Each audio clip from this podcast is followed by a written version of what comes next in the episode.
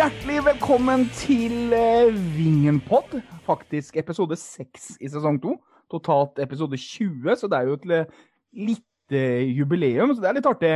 Så det, er, det, Ja, ja. det er moro. Men vi, Ja. har fått, vi har fått inn noen hilsener fra, fra folk som har savna oss, og det er jo litt artig, for nå har vi jo vært borte 14 dager, eller? Tre uker, nesten? Tre uker, vel, er det ikke det? Ja, Såpass, ja.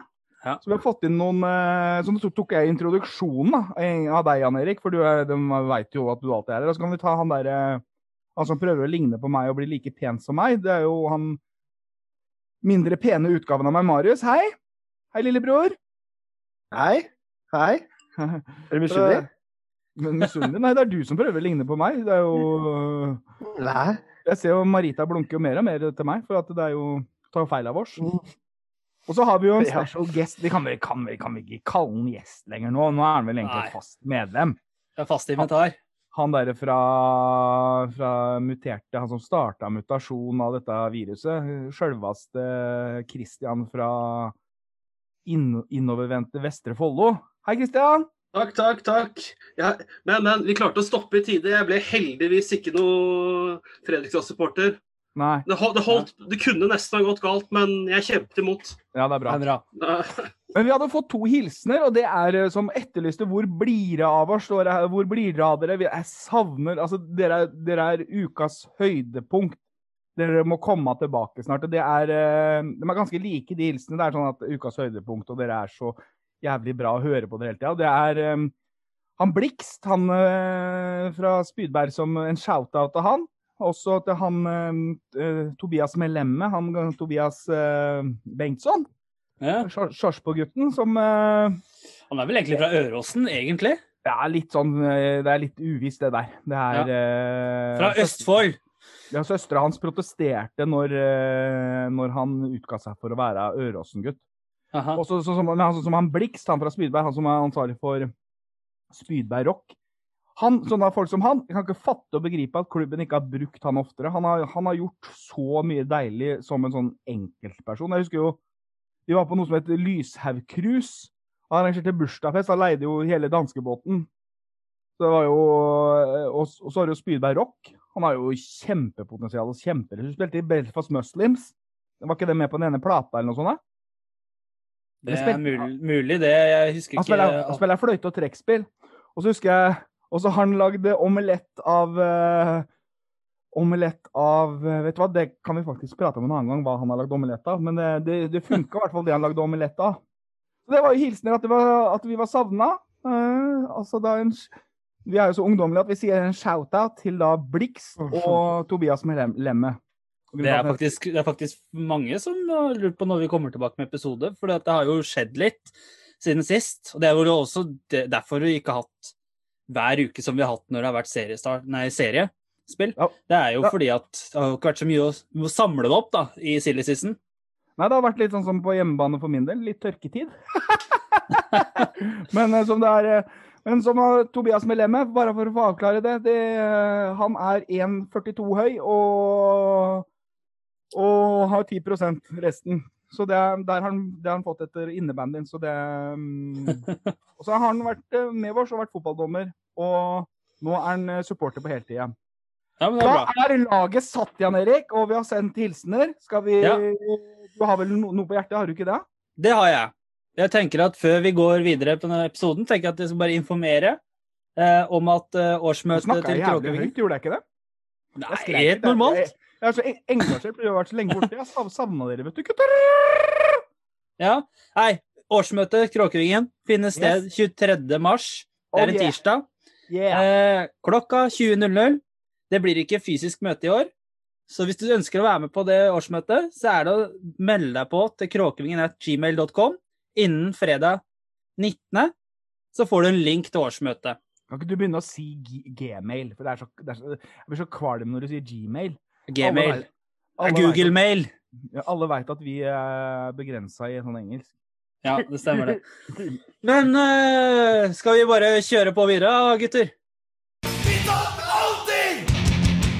Ja, boys, lads, uh, guys. eh, så vi må jo begynne å øve på engelsken. Da, som du sa innledningsvis her nå, Jan Erik, så har det jo skjedd en del. Og du og han fra Ski, Christian, dere har jo brutt smittevernreglene og innstillingene fra Folkehelseinstituttet. hei, hei.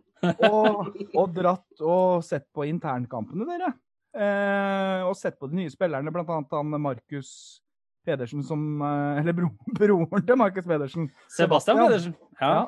Eh, ja, og uh, fikk høre med en gang at uh, må, må Hva vi- er inntrykket deres der, gutter?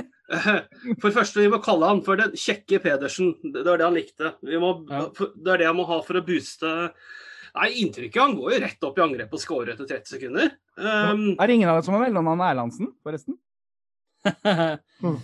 Men, Jo, kanskje han? Han rakk det, kanskje? Ja, men, men når vi nevner det, da. Vi skulle egentlig bare opp for å stå og se på en trening torsdag for uh, to uker siden. ja. Hvor plutselig vi kom opp, og her er det internmatch.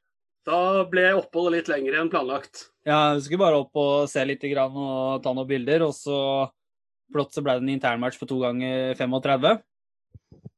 Og da var det Da endte det 2-1 til B-laget, eller hva man skal si det sånn. Det var det svakeste laget, eller det laget med svakest midtbane, da. Jeg er ikke helt sikker på hvordan de egentlig tenker, fordi det er ikke ikke ærlig, helt, men- helt, helt gitt at det er et B-lag, A-lag sånn direkte. Nei. For det var jo er annerledes til neste match. Ja, det var jo annerledes til neste match, men du ser jo at eh, Solvang Pedersen Nei, Solvang Nilsen heter han. Og Thomas Clausen spiller sammen i begge Ja. kampene. Så de skal jo liksom De skal jo ha et fundament der. Så så du i kamp én så spilte Manu Trovdar sammen med Guttelsrød. Ja. Og så i kamp to så spilte han sammen med Stian Andersen. Stian. Ja. Stian Det- har jo vært ute en stund. eh, tenker bare at siden Han var jo en positiv Men han i 2019. Han er rusten. Ja, men han ville i hvert fall. Det skal han Ja. ha for. Var en som løp mye eh, Ja. på den lørdagskampen, så var det han, altså. Ja, han tok seg Det- veldig opp til lørdagskampen. Det, det var nesten det det så at han løp så mye at jeg lurte på at eh, skal du virkelig løpe så mye, så ikke du ligger litt lenger bak. Um, men Nei, artig å se. Men eh, han som egentlig imponerte meg egentlig på en måte mest i forsvaret der, er jo Manu. Ja. Um, også litt det der eh, For så det litt på typen under oppvarminga osv. Rolig fyr. Ikke en sånn der supergira inn som noen av de andre var. Eh, jeg tok, tok jo også litt bilder, og jeg liksom sett litt igjennom i ettermiddag. Virka nesten litt sånn der eh, finne sitt sted, på en måte mentalt slå på. Og det så du under kampen, at det var Stian som tok det litt tyngre løpene. Og så når Manu måtte, da brukte energien sin dritbra. Eh, Men, jeg, eh, åssen var uh, kommunikasjonsevnen hans? Snakker han engelsk? Snakker han norsk? Det vet jeg ikke helt. Det, gikk, ikke engelsk, og så var det noen norske ord. Uh, han har jo vært i Norge en stund nå, men det gikk mest i engelsk, da. Sånn fransk-engelsk. Så det, det var det jeg fikk med meg fra den første matchen. Play the ball, play the ball, mister. Monsieur, monsieur, play the ball. Tackle, tackle. Oui, oui, oui, oui, oui. Sacre bleu. Sånn. Ja, noe Men- sånt. men her har vi en spiller vi kommer til å bli glad i. Eh, nydelig type. En sånn Chetem-spiller. Det er, det er en potensiell kapteinstype. Det er det. Ja, Altså, det er min er nok- umiddelbare tanke òg. For Ja. han, han har den der evnen til at han vurderer alt. Han er ikke Mm. sånn type som virker til å slite seg helt ut gjennom kampen, men han gir bånn eple når han må. ja, han var Så er det veldig veldig smart fint, eh, veldig fint hvis Marius i Studio 2 slutter å avbryte hele tida, for det blir veldig slitsomt når du skal komme med innspill hele tida. Det, det fly, flyter så godt, vet du. Eh, eh, men jeg tok et bilde av når han skårte i den internkampen på lørdag. Og eh, jeg, jeg, delte i hvert fall da, på sosiale medier. Og da endte opp med å For det første, så, av alle ting, fikk masse likes av Koffa-folk og kommentarer av Koffa-folk. For jeg skrev noe sånt som at Manu, for en nydelig spiller, var liksom passe avslappa og et jævla beist når han må. Og der er det rett og slett en dødball hvor han går opp aleine mot to, to stykker og bare pff, kriger han inn. Eh, muligens litt slapt keeperspill slash forsvarsspill. Det, det er en Vasenius med en hånd rundt fyren når han bare tar et steg opp og klikker den inn. Men i hvert fall, de tilbakemeldingene jeg fikk fra Koffa-folk, var jo at det, dette er en jævla fin fyr, da. De savner han litt i garderoben, og han er en jævla ålreit fyr og sånn. Og det var sånn Det var ikke én, det var ikke to, det var ikke tre. Det var til og med kal, kal, Eh, Kalle Torp dukka opp, og ja da, og til og med treneren øh, fikk leika jo innleggene. Så Ja. det, det var jo liksom Å ja.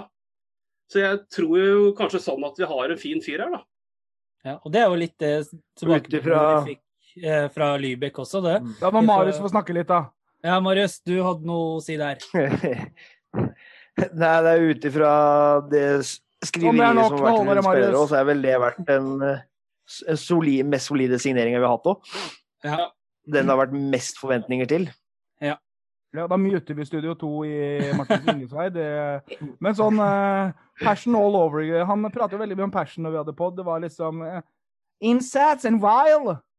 Ja, du ser jo, det er jo Du kan jo ikke sammenligne med året i fjor, sånn sett, men det vil jo det alltid når det er ny trener, så vil det være litt bedre trøkk eller litt annen positiv vibes uansett. Da. Kanskje med unntak av 2019, etter 2018-bråket. Men uh, det er, jo, det er jo ikke akkurat kanskje Marios sin feil. Men nå, jeg vil jo si at det er, det er mer spilleglede nå. Det er, Jeg er enig. ja, det er, det er mer Men kan det, ha, kan det ha noe med at de spiller mer fotball Altså Football is, is, is what it is, liksom? At det det litt back to basic, liksom? Og spille, spille mye fotball på trening og ikke drive med sånne avanserte Uefa Pro, DBCAKB-øvelser og sånn? Jeg vet, Ja, det er, vel, eh, det er vel litt blanding der. Jeg har ikke, jeg har ikke sett noen treninger og hva de gjør, da, men det virker som at de har en enkel plan da, å forholde seg til. Eh, det jeg sitter igjen med inntrykk av de to kampene, er at det laget som har Thomas Clausen og Solvang Nilsen, det er det A-laget. som har Ja, nei, ja eller, men det, de som har den midtbanen, da. Mm. Det er det laget som har mest possession. Uten at jeg vil si at Men de har ikke vunnet, da. De har tapt kampene begge gangene. Det er jo, det er jo kanskje også det som er litt sånn bakdelen, da. Er jo at eh, Solvang Nilsen skal styre midtbanen vår, og det virker som at pasningene hans Det går kanskje litt for mye på tvers og tilbake. Ikke litt lite i lengderetning framover. Når det går framover, så går det via, av, via Thomas, da. Men Nå ble jeg skuffa, Jan Erik. men, men jeg ser jo sånn som han Trodar og sånt, de setter i gang Ja, det spillet bakfra og i lengderetning. Jeg ser jo blant annet det andre laget, de slår mer direkte eh, Men når du sier setter i gang bakfra', vil du da si at de hopper over et ledd, liksom, eller? Ja, eller altså det er mer spillende stoppere, altså at de tør å slå ballen sånn gjennom ledd. Ja, for eksempel. Og Vidalå og sånt. altså Måten altså de tør å liksom kanskje gå av et ledd, eller bare spille opp igjennom et ledd. For jeg blir litt svett. Jeg orker ikke sånn der, en sånn sentrallinje som ikke har framdrift, og som skal gjøre det safe hele tida. Det kan vi ikke ha noe av. Nei. Vi må men- ha lengderetning. Ja, det er jeg enig i. Men det har jo det, det som jeg så på som da Som ikke hadde den sterkeste midtbanen, da. De spilte mye mer direkte fotball, og det er som regel de som vant. Eh, De slo blant annet en del eh, fra motsatt bekk til motsatt kant i bakrom, f.eks., og utfordra bakrommet der. Eh, fordi at der var det jo rom, ettersom at det laget som hadde mest possession, sto høyere. Eh, Men han fra Skeid, han eh, Ado Kidane, han imponerer litt. Han er, men han er sånn, han har veldig X-faktor. Han er veldig flink til å drible. Ja. Men han er sånn spiller du må ha dagen, da. Hvis Ja. han ikke har dagen, så tror jeg det kan være litt vanskelig. Men han er en spiller som kan gjøre ting på egen hånd. Det har vi ikke i Mikkel og Skåren. Så han kan gå av en spiller. Så her tror jeg at det blir litt plass litt Det var jo førsteinntrykket når han kom inn på den, i den første matchen her, så var det nesten sånn derre Må jeg spille, så det ut på. Det så nesten Ja. ut som at han måtte bli tvunget utpå der for å få 15 minutter. Ja. Så går han ut og drar av tre mann, liksom. Det, så du blir sånn derre Oi! Ja. Her, her, her er det noe! Han, han skåra jo jo det målet. Og så var det jo Men det, da var det jo eh, det sorte laget som vant, eh, vant den matchen. Da var det Sebastian Pedersen som skåra begge. Og den første eh, målet i, i den første omgangen i første matchen var vel egentlig hens. Alle så jo det. Utenom, eh, Yes. utenom eh, han der treneren som brukte som dommer. og så, men eh, 2-1-skåringa var fantastisk. Jeg husker ikke hvem det var innlegg fra, jeg, men eh, om det var, jeg tror det var Leo Getz eller noe sånt, eller om det var Ja, det Uno, var det. husker jeg ikke. Så var det kontant Ja, bra goal, goal-getting heading. Ja, det var strålende. Men eh, Marius, Mm. du hadde, du, i tidligere episoder så har du vært veldig på at vi skal satse på Ande Vasenius. Men siden sist podcast har vi jaggu meg fått to keepere til, så nå har vi tre. Hva tenker du Mm. om at vi har henta inn en Español og Hva var den siste? Hvor var han fra? Nei, det er unge, det er vel en unggutt igjen fra han fra innom rådet sist. Oh, ja. Så det er vel det Ja, det, så det er jo han Nei da. Så det er jo han. Men jeg mener at hvis man skal Ja, det Skulle man ikke satsa på Vasenius, så burde man i hvert fall henta en solid um, Og det har vi gjort. Og det har vi gjort. Og da faller det vel på at det blir han, og da er jo det for så vidt greit nok. Eh, Det er li jeg syns det er litt dritt, hva, men um... Men sånn er det. Det er eh, Vi får en, tydeligvis en bra type og en bra keeper, og da men da bør vi også ikke være så jævla høye i hatten og si at vi skal satse mye på våre egne, da. Nei, enig i det. Kristian? Men eh, i hvert fall mitt inntrykk av keeperne, de internkampene Nå må dere opp i ringa, gutter. Nå er det konkurranse. Jeg er ikke imponert over noen. Ikke spanjol heller? Nei. Ikke. Han har, han. OK CV, men ikke sånn akutt Ja. imponert. Uh, nå syns ikke jeg han der Spanjol fikk så veldig mye å gjøre da, i de matcha, selv om den ene kampen Han så- sto vel bare én omgang òg i den første, men Ja, han sto, sto en omgang i begge matcha. For Vasenius sto eh, hele kampene, begge kampene. Men Vasenius sto en omgang for det ene laget og en gang for det andre. Så brukte Ah. man andre. Så ja, jeg tror han er rusten. han, han har jo ikke spilt fotball på et år. ja, ikke sant. Det er også kanskje viktig å ha med her. at- Og når det ikke er lov til å spille treningskamper, så spiller man bare mot seg sjøl. Og tenkte jeg at det skal jeg også bare skyte inn, ettersom at vi prater om dette her med lengderetning og framdrift og alt det greiene der. Det er at interne matcher eh, får, Vi får litt ut av det, men det er som Hjelm sa forrige gang avslutningsvis, at får håpe at det kommer noen treningsmatcher, sånn, så at vi får se hvor vi ligger an. så at Hvordan fungerer mot andre lag. For dette her, her veit du hva man skal gjøre. Man vet trekka til hverandre. Man er så godt forberedt på hverandre. Så kanskje at dette her med Thomas Clausen og Solvang Nilsen og Jeg håper jo at Fredrik Vasenius vil spille den andre indreløperen ved siden av. At Ja, men de han har kanskje jo vært Spilte ikke han back og den ene omgangen der, da? Jo, han, han spilte jo back, høyreback, i kamp én. Da spilte han bare én kamp, én Ja. omgang, og da spilte han høyreback fordi at uh, man ikke hadde, hadde noe høyreback, da. Vi har jo bare én høyreback. Ja, men det var vel på lørdag nå. Ja, det kan stemme. han sto jo og markerte Ja. eh, Han sto jo og markerte Manu med en arm, bokstavelig talt rundt den, sånn at det skulle gi den en klem Men når, den, når en ja, kom. I, den første, I den første matchen så var jo Stokkebø fortsatt på prøvespill. Ja. Han spilte jo sammen med Klausen og Solvang Nilsen. Jeg syns midtbanen fungerte bedre da, for da Stokkebø løp ganske mye. Han dro mye, av, dro mye u, i lengden av laget, da. At han skapte mye rom. Men uh, i den andre matchen så var det han uh, vi henta i sommer, hva het han igjen, da? Han uh, som kom fra Kadri. Kadri, ja. Han som for faktisk to år siden spilte 7. divisjon. Mm. Så han har jo fått en ganske. Solid sånn reise. inter... Ja, sånne internkamper blir litt kunstig ikke sant? når du har to- 22 mann pluss på, Mm. fra alle nivåer. Ikke sant? Du, har, eh, du har fra topp til helt i bånn, så det blir jo ja, Motstanden blir jo så som så. Så jeg vet ikke om Ja. de kanskje la opp til Trodå, hvilket lag var han på? Var han på Han, toppa første, kamp, midtbanelag, eller spilte første kampen så spilte han på antatt eh, beste midtbanen, og andre kampen spilte han ikke det. Men når dere For det prater blir vel om å prøve å få litt sånn ja. Å, fy faen, ass. Ja, hva er det sier for noe, Hjelm? Det er, Studio 2 der, vet du. Det jo- Rekk opp hånda før du skal si noe. Nei, det er, er, er ikke sånn eldste først. Men du prater nevnte Stokkebø. Det blir jo fryktelig rart å se han på motsatt side eh, i, i år å sitte i bortegarderoben sammen med Han fikk, jo trent, fikk han trent litt på det nå ettersom at han var på prøvespill, så måtte han skifte i bortegarderoben. Men eh, Ja, det blir rart. eh, Det blir rart å se han. Å se han sammen med Fabi og resten av gjengen i Halden der, så blir det fryktelig Han passer liksom ikke inn i Kvikk. Nei. Så nei, det blir eh, spennende å se. Det blir rart å møte han, en av våre egne. Han er jo medlem i Kråkevingen. Mm. Mm. Og så så kan han spille på motsatt side av banehalvdelen. Tenk om han scorer på Melestad mot oss. Mm. Hva gjør vi da? Han er sikkert en type som ikke jubler. Ja, han jubler ikke. Ja, Vi får klappe, vi får applaudere sånn pent, da. Ja, vet du hva, det, det syns jeg faktisk skal gjøre, for Ja. han er en av oss. Jeg, det er sånn, jeg nesten håper han scorer, liksom. Da, da skal han få den. Ja. Ja, en Håper han Håper han setter 1-0 på overtid, med brassespark.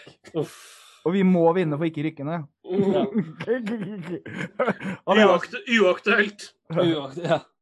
Nei, men, eh, men Sebastian Pedersen, ja, du har sjekka litt på målstatistikken hans, har du ikke det, Christian?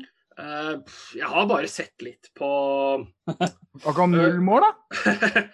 uh, Null mål for hva? Eh, senior. Altså, altså senior Han, ha- han har eh, senior, seniormål, det har han. Mm. Men hvor Hvor gammel var han da? Eh, litt vanskelig å si, men det er jo noen år siden han virkelig var veldig god som junior. Og så har han jo vaka litt rundt. Men uh, han ene jeg uh, traff oppe der på lørdag, Jan Erik, som du traff senere, han er jo Strømsgodt-supporter. Ja. Lippert, eller? Det stemmer. Ja. Hei, Stig. Han, er, han, er sånn, han er medlem av kjerka borti gata her. Sånne siste dagers Jesu Kristi hellige. Er mormonere, tror jeg. Men jeg kjenner han fra banehoppmiljøet, da. Ja, det, det er han også. Det Han har egen, egen hjemmeside òg. stemmer. På bortebane. Mm. Bare, bare google. Uh, han sa jo det at uh, talentet er der, men han har liksom ikke blomstra. Og vi kan jo håpe nå at det, kanskje han trenger dette her i Moss, da. Liksom, for han har vært litt sånn der Tok store steg, ble kasta litt på lån, litt hit, dit. Kanskje ikke helt tatt til følt seg til rette. Ka, hvis han blomstrer, så har vi noe. Ja, det er, Er det litt som, eh, litt som broren sin, eller? ja, vårs to. Ja. Jeg tenkte liksom at det er Sånn som nå prøver du å anlegge skjegg og sånn og bli mer lik meg. Altså, du lever i skyggen av meg, på en måte. da. Og det, du preker til nå. Nå preker til deg. Det er en som ja. har en av, det er bare du som har anlagt skjegg her for å prøve å ligne på meg. Du har, du har gått opp noen kilo for å prøve å bli mer lik meg. Liksom. Det er liksom, du har levd i skyggen. Altså. Det er vanskelig å liksom finne din plass når du liksom har eh, en så talentfull bror, da, på en måte. Eh, Men det var jo som han eh, ene Matrisen sa, da, Hjelmen. at Han er yngstebror, og han er jo den kjekke av de to eh, Pedersen-gutta. Ja, men, men, eh, ja, men det, det, Pedersen, det er jo Losers! Nei, men uh, Ha- Hamar store sønner. Ja, men eh, det som Marius sa, da, det ligner litt på Brorsi. Brorsi slo jo til som 15-åring, Ja, debuterte han- i. Tippeligaen, skåra.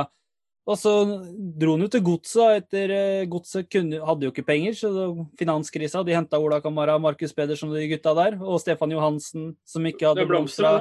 Det blomstra jo der, og det, er- det kan godt hende at dette her er noe som trengs for han. Og han har jo han har kanskje, kanskje ikke tatt steget ned, men han tar kanskje steget ned sånn A-lagsnivå, da. Han har jo spilt på dette nivået før, men det kan kanskje være positivt for han å komme til en klubb hvor han skal spille på et A-lag i Post Nord, da.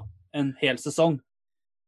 Jo, men han har Ja. vel Han var innom HamKam i fjor, ellers så har han vært på Post Nord-nivå de to siste Han har årene. vel vært, han har vel vært på lån i Florø, har han ikke det? Ja. En halv sesong? Marius, åssen er dialekta i Florø igjen? Og Notodden. Notodden. Men i Notodden så spilte han første del av sesongen i fjor, før han Marius, HamKam. dialekta i Florø? Jeg husker ikke. Nei. Det bufrer på Studio 2. Bufrer, ja, det er lenge siden, det. Det var, det var tider. Men var det noen flere spillere? Marius, hvem var det, hvilke flere spillere har vi signert? Du som har oversikt over de greiene der. Nei, nå har vi vel har vi gått gjennom de fleste, vel? Har vært inne på alle.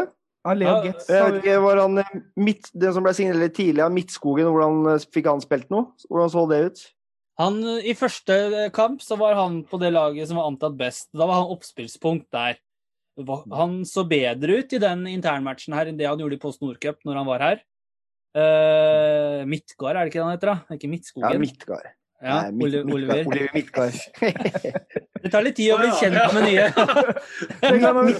Vi står Midtskogen er den andre. Jeg, tenkte, hvem er dette? Når vi, når vi står på Meløs første kampen, og bare Du, åtteren! Det blir jo bare sånn rør. Det blir sånn 20, 2013 all over again. Da hadde vi det sånn når vi sto Midtskogen på stopper i Kvikhallen nå. ja. Nei, men eh, han, han, var jo, han eh, så bedre ut i de internmatchene. Nå spilte han på det beste laget i første matchen og hadde stor sjanse med en ganske bra chip eh, som var hentet tverrlegger ut istedenfor tverrlegger inn. Um, og i andre matchen så var han mer usynlig. Og da fikk han ikke nok å jobbe med. Men uh, han så bedre ut nå enn det han gjorde faktisk i Post Nordcup. Uh, Uno spilte vel på de antatt svakeste lagene. Uh, men han skåra jo, da, i kamp nummer to. Mm. Og han Som back? Som Beck ja. Var etter en Ja. corner, så var han oppe på corner. Og så oh, ja, skåra han et Ja, var, Var men han, fornøyd, da? Ja, kult.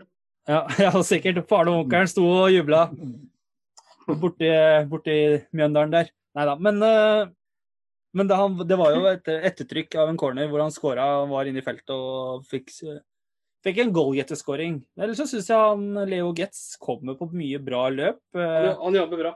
Ja, han jobber bra og kommer på mye bra løp. Overlap eh, for innlegg er spillbar og er ikke villig til å løpe oppover eller nedover. Hjemover, hjemover og framover. Men sånn litt, enn litt sånn seriøst i forhold til han der eh, Pedersen. Ja. I forhold til å være i skyggene Hvor mye Markus er en del eldre, er han ikke det? Eh, Han er vel Jo, han er vel 30 Jo, er nå, vel? Ja, det er ni år forskjell på dem. Ja. Mm. Å leve i skyggen av bror eh, kan det ofte være litt vanskelig å ta eh, rette valg. For jeg husker jo eh, sånn, Hvis vi tar sånn familiære bånd av Marius, da, han var jo et eh, meget godt talent eh, som fotballspiller, men valgte også å bli i Rygge lenge. Nå, eh, nå, nå, eh, jo- jo, ikke det at eh, jeg var en spiller å leve opp til, det var eh, det, det var, Det var vel mer talentet var vel heller motsatt. At det var lillebror som hadde det, og så ja, det, i, I vårt tilfelle så var det det jeg fikk damene, og du fikk talentet, på en måte. Jeg, Men- fikk, jeg fikk begge delene. Ja, du Hæ? Ja, Etter hvert, ja. Etter han der Etter han Numan kom Nei, hva het han? Uødis? Nei. Og, og da Jeg stjeler. Men, men i, sånn, i forhold til Jeg husker jo spesielt deg. Du var jo eh, Du var jo en av de beste. Og så ble du eldre, og så valgte du å ikke gå til Moss på det riktige tidspunktet. Uh, har vi, det har vi vel prata litt om, at når liksom Marius Henriksen og Ole Martin Wold og den gjengen der gikk til en større klubb, kan det kanskje sammenlignes litt med at du når du lever i skyggen av bror i, at du ikke får de riktige mulighetene fordi de forventer for mye, mye av deg, som i og med at du er bror til broren din, på en måte? Tror du det? At det, blir, at det blir et press på, liksom. Ja, at han forventer at han ikke får riktig utviklingsmulighet og utviklingsarena fordi at han er For Markus var så god på det og det, og da skal du være så god på det og det òg. Du blir jo veldig sammenligna, da. Og hvis du ikke er eh, sånn type spiller som bror jeg er, da, så Ja. Da, da OK, du er ikke sånn som han. Da, da Ja, da kan du finne på noe annet, å si. Da får noen andre prøve å satse på det. Men sånn er det jo med fotballspillere og fedre også. Ja, det får alltid du kan liksom, du, liksom Alf Inge Haaland og Erling Braut Haaland, liksom. Det er, Mm. Eller uh, Michael Jamfall og Jørn Jamfall. Og det, er, det var to forskjellige spillere, liksom. Det er keeper og wingspiller. Så Så har Sørloth, og så har du jo eh, Ja, Sørloth, ja, for eksempel. Det er jo et fint Det var mange. og så har du han, han som var der først, og faren sin, da. Bergersen. Mm. Bergersen var først, men uh, det var ikke samme driblefanten han uh, Nei, og Bergersen spilte, figurerte litt som stopper også en periode i Moss, da, fordi at han hadde bra spenst, som Ja. skulle ta duellene. Ja. Så nei eh, Jeg vet ikke. Det, det kan sikkert ha litt å si. Patrick Johnsen, for eksempel. Men så Det blir jo lagt litt forventninger til det, da. Sønnen til, sønnen til Karsten. Karsten var jo sinnssykt ivrig Mm. eh, Mm. på, på treninger og alt som var. Og, å dømme når Karsten var til stede, var et helvete, liksom. Ja. Han var ordentlig douchebag, liksom. Det var liksom null hemninger. Så jeg skjønner at sønnen følte presset der, i hvert fall. Du har jo for eksempel eh, Kurt Tunheim, da, som spilte på Moss på, for lenge siden, før vi ble født. Og sønnen hans er jo en barndomskamerat av meg. Ja, en barndomskamerat av meg. Og mange av de som har fulgt Kurt når han spilte i Moss, og sønnen hans, som sa at det er masse likheter. Og jeg husker Simen sjøl, Simen Tunheim, når han er fra Øråsen, og enormt talent. Så Marius husker vel han, han også? Ja, Ja, spilte med mot han. Ja, og veldig vanskelig å spille mot, og fantastisk å spille Mm. med. For liksom, han så deg hele tida. Ja, han var ikke den høyeste, men uh, utrolig liksom, sånn derre Lukter mål, eh, skyter eh, hvor som helst. Altså, ja, god på huet til å være 1,60 høy, liksom. Hopper to meter høyt og liksom Vanvittig bra timing, da. Kunne Ja. nådd langt, men så er det kanskje det der presset, da. Jeg Men da, kjenner ikke har, så vi på det. prata, har vi prata nok om Er det noen flere spillere vi tar fram, eller har vi prata nok om den internkampen og det som skjer, og så skal eh, Jan Erik presentere neste tema, eller? Jeg lurer, jeg lurer på om uh, hvilken formasjon spilte. spilte. Spilte uh, begge laga likt? Spilte vi forskjellig? Begge lag spilte 4-3-3. Det er godt. Og så var det vel noe sånn at Christian lurte på, husker jeg, i forhold til at uh, om den forsvarte seg i 4-4-2 eller noe sånt, siden man prata litt om det i, i forkant av Shaun, men det, det så det ikke ut som. Det så ikke helt ut som det alltid, i hvert fall. Nei. Uh, Men jeg vet ikke om det er konsekvente eller noe trekk eller hva. Det... Det er vel mer det at det så mer ut som han forsvarte seg i 4-5-1 eller 4-2-3-1 enn eh, 4-3-3. Ja, ja, Ja. det ble litt kokos i perioder. Og Ja. det er jo mer naturlig, da. Forsvare seg 4-5-1. Ja, Formas, altså, 4-4-1 altså, formasjon. 4-3-3, 4-4-2, det er bare, det er bare tall. altså 4-3-3 ligner på 4-5-1, 4-2-3-1, 4-4-1-1. Det spørs hvordan du ligger, hvor dype spillerne er, hvilke løp de tar osv. Bla, bla, bla, bla, bla. Ikke sant? Det er mye. Ja, jeg vet. Men eh, jeg tenker at eh, vi har runda av dette her ganske greit, og så kan vi kjøre videre på et annet tema. Livet det er jævlig, men vi liker oss i Moss. Denne uka ble det jo klart at, eller faktisk forrige uke ble det klart, Even Juliussen er tilbake på Meløs. Han var jo her som assistenttrener eh, og i trenerteamet sammen med Ørjan Kristiansen i 2015. En ganske bra sesong. Trenerteamet fikk mye skryt da. Han var veldig flink på analyse, blant annet, og det er noe av dem nevner i ansettelsen av Even. Eh, og han kjenner jo klubben, og vi fikk jo en antydning om at uh, det skulle være en assistenttrener i år som var internt fra klubben, men Even har jo ikke vært i klubben siden 2015. Men jeg tenker at det er vel, det er vel greit. Men utgangspunktet var vel at vi ikke skulle ha en assistenttrener i det hele tatt. Ja, og det var jo når Mario var trener, og så har jo Mario forsvunnet, og så har det jo kommet inn en ny trener, og da er det jo plutselig da skal være assistent allikevel. Det er samme Eh, styre, da, Samme styre, som men- sa at det ikke skulle være. Men det er en sportssjef. Eh, greit nok. Even er tilbake. Hva tenker du om det, Marius? Du kjenner litt til eh, Even som trener. Eh, nei, altså, ikke annet enn det jeg har hørt, da. Det vi har hørt. Men eh, det er jo det er kjempepositivt at han er tilbake. Eh, det er som du er inne på, at han fikk jo veldig mye skryt for den sesongen han var her. Og er, er, jo, er jo populær og høster bare godord i de miljøene han har vært. Så det er bare kjempepositivt. Og det er jo litt sånn rart å gå at fra ikke-assistent til en internt til en en helt utafor, men det er jo det er greit. Det er greit når det er han. Men Hjelm, du kjenner vel han litt sånn som person, gjør du ikke det? Ja, det, Even har jo faktisk vært så heldig å spille på lag med meg. På Sykehuset Østfold Moss bedriftsidrettslag. Eh, og, han sa til meg at uh, da at uh, jeg burde komme opp på trening uh, og, og vise meg fram, fordi at det talentet på den sjuerbanen nede på, på Ørjordet. der, har han ikke sett maken til siden, siden Nils Espen Eriksens dager. Så, så jeg, jeg, jeg, han er jo fra Glomme. Han er jo Glomme-supporter, egentlig. Eh, så når han plutselig ble assistenttrener, så, så skjønte jeg ingenting. Jeg visste ikke at han eh, hadde så peiling. For, for han var midtstopper. da, han har jo en kropp som uh, har uh, levd sitt liv. Og, det er jo, og jeg registrerte jo at han var en At han var en av Han var vel kanskje nest best på laget, da, etter meg, selvfølgelig. Ydmyk type, han òg, akkurat som meg. Mm. Så, det, så dette her Jeg, jeg ble litt glad når jeg hørte at han gjorde comeback. Ja. Og så veit jeg jo at han eh, Han fortalte jo det siste at han gikk på dialyse ganske ofte, så, eh, så håper det er bra med en sånn helsomessig også. Jeg veit ikke om han, har, han kanskje han har fått nye nyrer, eller nå har det gått fem nye år, så kanskje han er frisk som en fisk igjen. Ja, Har du noen kommentar til nyrene til Even her, Marius? Nei, ikke på nyrene. og En ting jeg tenkte på, var jo det man har hørt av Even og sist han var her, så var det jo Så syns jeg, synes jeg det er litt likt det, vi, det man hører litt rundt om når man hører om Joakim Mensen, Mm. eller nå Klæbo. Altså hvor mye Altså den jobben han har gjort i 08, KBK og Fredrikstad, hvor mye skryt han får, da. Ja. For den jobben Hva kalte du det? han Fre, Fredri? Fredri? Fre... Glomme. Glomme. Ja, ja, og, Ja. det laget, ja. Han får mye cred for de gode prestasjonene og de gode utviklingene, de miljøene han har vært i, da.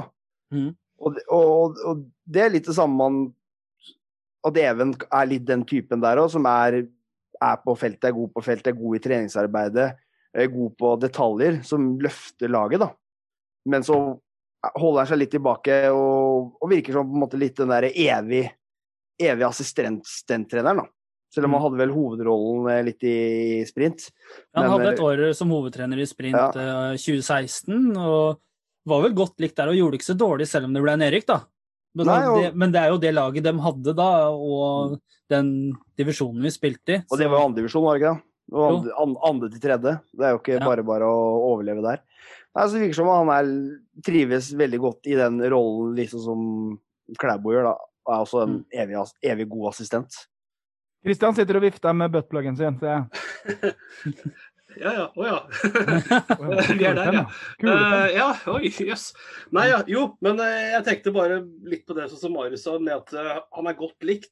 For jeg sendte melding til tre stykker om han, for jeg bare visste litt da han hadde vært i sprint, og vi har hatt den liksom et år i klubben før. Og alle tre svarte faktisk ganske så ordrett det samme. Topp fyr. Og liksom, for, for jeg kjente, kjente ikke til den. Og liksom, jeg bare, Oi, så bra sånn. Topp fyr. Veldig flink på det personlige planet. Og jeg var litt tidlig ute, sånn som på lørdagen. Mm. Og jeg går bare bort og liksom sier hei til et par av matriser og litt sånne ting. ikke sant? Og så ser du liksom at han tar seg faktisk bry og sier hei til sånn som meg òg, da. Som bare står rundt klubben og sier Du så det på at han var veldig flink til på en måte legge legge merke til gutta også. Men som trener, da. Ikke bare en sånn Nå var du veldig søt, Kristian, når du prata deg sjøl ned. Sånn, han, sa, han sa hei til en sånn fyr som meg òg. Det var koselig. Nei, men, Jo, jo, jo, jo men, men, men, altså, jeg, jeg har jo vært på ganske mye alt fra treninger til kamper osv. hvor selv om du, er kjent igjen, så blir du bare ignorert. men, det er, men, men eh, vi må bare passe på at det ikke blir for mye flotte fyrer. For eh, flotte fyrer er bra å ha. Men eh, vi må ha, vi må ha kompetanse her, da. Jo, jo, jo. jo. Men, eh, Men eh, Even innehar det. Det er ikke noe tvil om. Mm, akkurat det. Han så, har det så lenge du, du er en hyggelig fyr før holdt jeg på å si, Så lenge du er hyggelig fyr og en god pedagog, og, Før har, du, før du går i gang. og, og så har fotballfaglig, så er det her Det her tror jeg er en Fin kombo. killing ja. trio, altså. Ja, så, så, så tror jeg så, ja, så virker det som at kanskje de to er en god match, da. akkurat som han og Ørjan var en god match. Ja. Og så tror jeg at Sean og han her kommer til å være en god match også. Og Ja. forhåpentlig opp mot uh, styret og Thomas Myhre også. Han Even får jo hovedtrenere som er glad i å glad i litt av hvert. ja. Så det, det her blir jo artig. Men vi ansatte jo i desember så ansatte vi jo en spillerutvikler. Og Det stemmer eh, vel. han Thomas Nilsen eh, fra Rygge og Kambo og, og sånn. Og det var jo spennende signering og spennende tiltak. Og så dro han på vinterferie. Og der fikk han en SMS eller en telefon fra Thomas Myhre. Eh, Hei, du har sparken. Eh, og nå har vi ikke noe spillerutvikler. Var, og begrunnelsen var økonomi. At man skulle spare penger. Eh, og så tok jo vi kontakt med klubben og spurte hva som skjedde. Og da fikk vi vel beskjed om at eh, ingen har fått sparken her, så vidt meg bekjent. Hva, men det er jo bekrefta at han har fått sparken. Det har vi jo Det veit vi jo. Det, det er ikke noe løse rykter, det her. Vi har fått det bekrefta, og det er eh, Hva tenker vi om det? Er det er det måten å gjøre det på at Thomas Myhre kjører litt sånn soloshow der og sparker en fyr uten at styret gjør noe? Er ikke det også Blir ikke det litt sånn som vi prata om, eh, som vi, ja, vel nevnt at det, at det blir eh, en samkjøring og ikke blir sånn soloshow? At det blir en sånn derre sparking her uten at styret er informert, da? Marius? Ja, jeg håper jo at styret er informert, men ut ifra det vi hørte som vi fikk fra klubben, så virka det ikke som at de var informert. Men Ja. eh, Men jeg tror eh, det er vel noe snakk om at han Eirik Amundsen har litt den, eh, litt den uh, spilleutviklingerrollen, tror jeg. Litt sånn uh, i hvert fall Ja, de må jo finne en erstatning, det må de jo ha. Ja, de har jo gjort litt sånn grep, og jeg tror Erik har tatt litt den rollen mellom junior og senior eller noe sånt, tror jeg. Så det sto vel litt om det. Det sto litt om det i det momentet Julesen ble ansatt. Så var det vel også nevnt noe med Amundsen også. Men eh, det er som du sier, at han var jo på Og det er jo Jeg tenker jo at det er jo øh, alltid greit Altså, det er jo greit å omstrukturere, øh, avsi folk osv. hvis ting ikke passer øh, økonomisk, eller man ser for seg en annen modell øh, osv., osv. Men det er måten man gjør ting på. da. Du tar ikke kontakt med en fyr som i, på en fredag i, Kveld. fredag kveld i, I vinterferien. I, i, På hytta. Ja, og Nei, det, det gjør du ikke.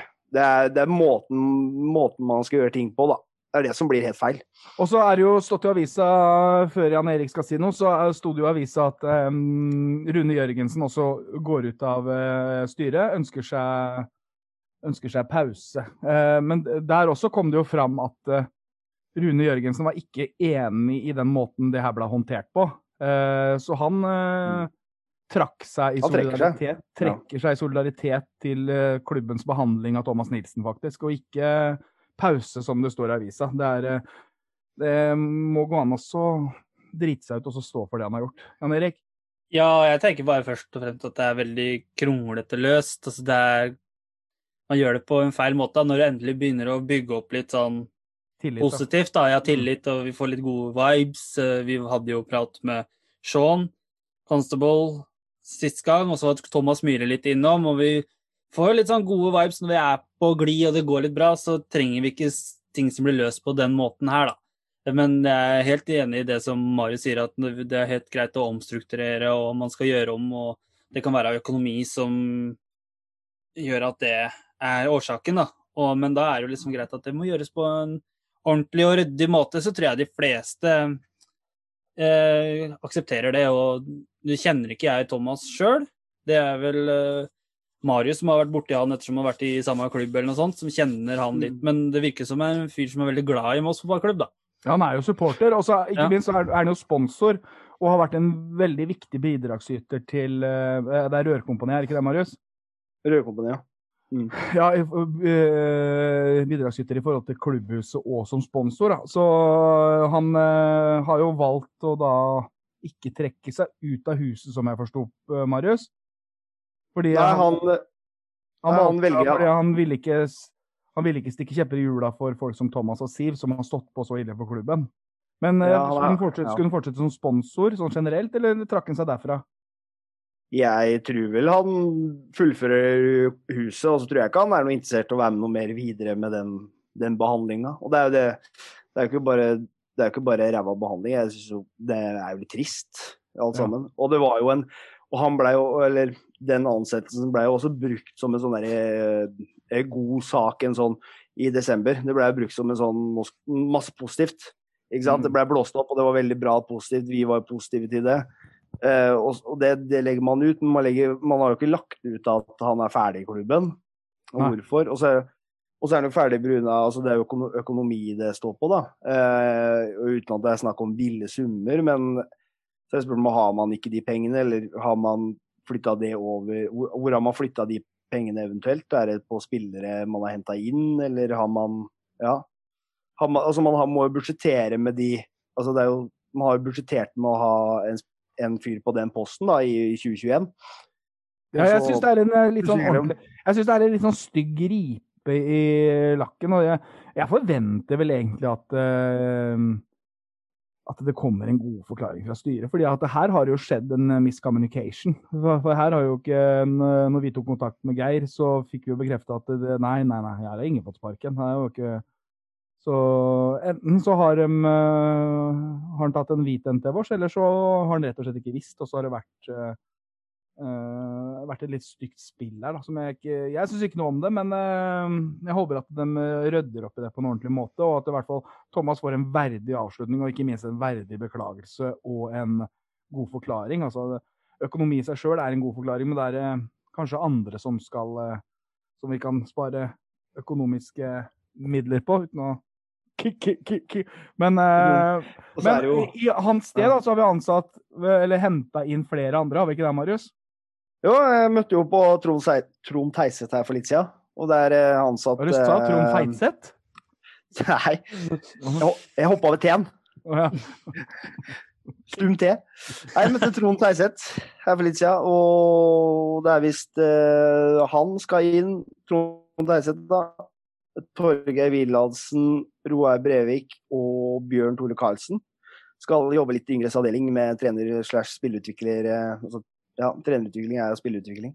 Så fire Eh, stykker skal dele på hans oppgave, rett og slett? da. Nei, det, det er nok en litt annen Det er nok en, en litt annen sak, tror jeg. Ja, fordi at det, som jeg forsto, så skal eh, to av dem jobbe med sjuer og nier, og kanskje helt fra femmer. Eh, Så var det vel eh, Roar Brevik som skulle ha ansvaret for eh, junior, junior det eldste. Ja. Bjørn Tore skal styre det litt. Mm. Så det tror jeg kan bli veldig, veldig bra. Det er veldig positivt. Og det er jo fire cal som har vært i fotballen i mange, mange år. Og, og kommer og bidrar litt på grasrotnivå, holdt jeg på å si. Og det er jo en viktig del av jobben. For da, da starter du med utviklinga veldig lavt, da. Og det er, det er bra at oppfølginga forhåpentligvis blir så bra. Og det er jo det som også er meninga, at man skal følge opp de, følge opp de trenerne tett. da. Og så er det viktig å si at Eirik Amundsen, som er en av dem, han var jo med oss å etablere kråkefjæra subtil fordi han hata kråkevingen. Det er viktig å nevne. Men Jan Erik, du har, eh, du har et innspill her, eller? Ja, det har jeg. Eh, Det er jo veldig kjekt at eh, Roar Breivik som har junior, da. Ettersom at han har nok mange av dem på idrettslinja på Kirkeparken. Og det er jo ganske kjekt at vi har en sånn relasjon i klubben og mot idrettslinja på Kirkeparken, da. For da beholder dem i byen. Kan følge dem opp på skolen, kan følge dem opp på trening etterpå. Er, du inne på noe der, eh, er vi inne på noe der, Marius? Vi hadde jo Vang før, blant annet. Hvor vi hadde trenere i klubben som var ansatt på Vang. Er, er, det liksom, er det veien å gå? Ja, jeg tror det er viktig å samkjøre det. Den totalpakka for de som gjør begge deler. Kan bli veldig bra. At eh, som sier, det er en lærer eh, Læreren også er på feltet på, på kveldstid. Mm. Kan følge, følge opp litt. eh, styre belastning. Ha et tett samarbeid med trenere som har de på kveldstid. Og styre alt det. Det tror jeg det er veldig, veldig fornuftig. Så det er veldig kult at de gutta er tilbake. Marius, du har jo, og jeg for så vidt, har jo spilt på, eller gått på Vang. Eh, tror du Ja, det er noe forskjell på nåtid Vang og gamle dager Vang? Nå gikk jeg før det, på Vang før det ble sånn toppidrett, på en måte, men uh, ikke mens det var bredde. Dere gikk på Vang med enkel V, ikke dobbelt V? Å ja, det er Ja, vi, er prater om, vi prater ikke om Vang eh, skole på i Fuglevik, nei. Vi Vang skoleidrettslag. Men Vang, Vang med enkelte, der var, det, der var det koselig. Fatter'n trente oss begge. Og det ble begge, store talenter begge to. Av fin tid. Av fin tid. Det er skoleidrettslag. Men jeg tror dette her, den, den kvartetten der eh, Torgeir Wilhelmsen har vi hørt om før. eh, eh, Eirik fra Kråkefjæra har vi hørt om før. Ja, han er ikke en del av dem fire, da. Han er ikke den, nei? Nei. Nei. nei. Så hvem er de fire, da? Trond Teiseth, Ja. Øråsen? Wilhelmsen, Ja. Wilhelmsen Ja. eh, Bjørn Tore Breivik. Karlsen ja. og Roar Breivik. Ja Og der har vi Bjørn Tore Erik- Karlsen som skal være inne i forhold til sportsplan. Ja, det er han som skulle være inne i forhold til sportsplan, ja. Og du har jo spilt, er jo eh, du har jo spilt U-fotball under både Bjørn Tore og Trond, du. Mm. Så det, Ja, så det er bare go- gode ord å si om dem. Ja. Trond veldig hadde du for for, øvrig vært i, i Stockholm med. Det var jo artig. Det har vi. Sverige-Norge. Ja. Han- og Da var jo Trond Teiseth med å synge 'Kom igjen, Keller', så han er jo elsker jo Moss, han òg. Det er viktig Ja. med folk som elsker Moss. Han er jo veldig glad i Ja. Mosse-fotballen generelt, da. Ja. Og så er, er og så- er de jævlig gode. Øråsen er jævlig gode på sosiale medier. De gjør mye morsomt. Så. Trond Ja. er, en, Trond er en sånn type som kan altså, Ja, altså, nå, se her, nå, altså, nå kan dra med seg litt av eh, hva Moss kan lære av Øråsen, faktisk. Det kan gå den Mm. veien der òg. Mm. For SoMe har en eh, veldig viktig viktig eh, plass i det digitale samfunnet. Og det, det, hvis vi da ser på Tenk om ikke vi hadde hatt det der klubbhuset. Tenk hvor lite saker det hadde vært på vår hjemmeside da. Mm. Altså det er eh, For da kan vi rett og slett gå over på huset, kan vi ikke det, Jan Erik? Og så For nå nærmer det seg jo.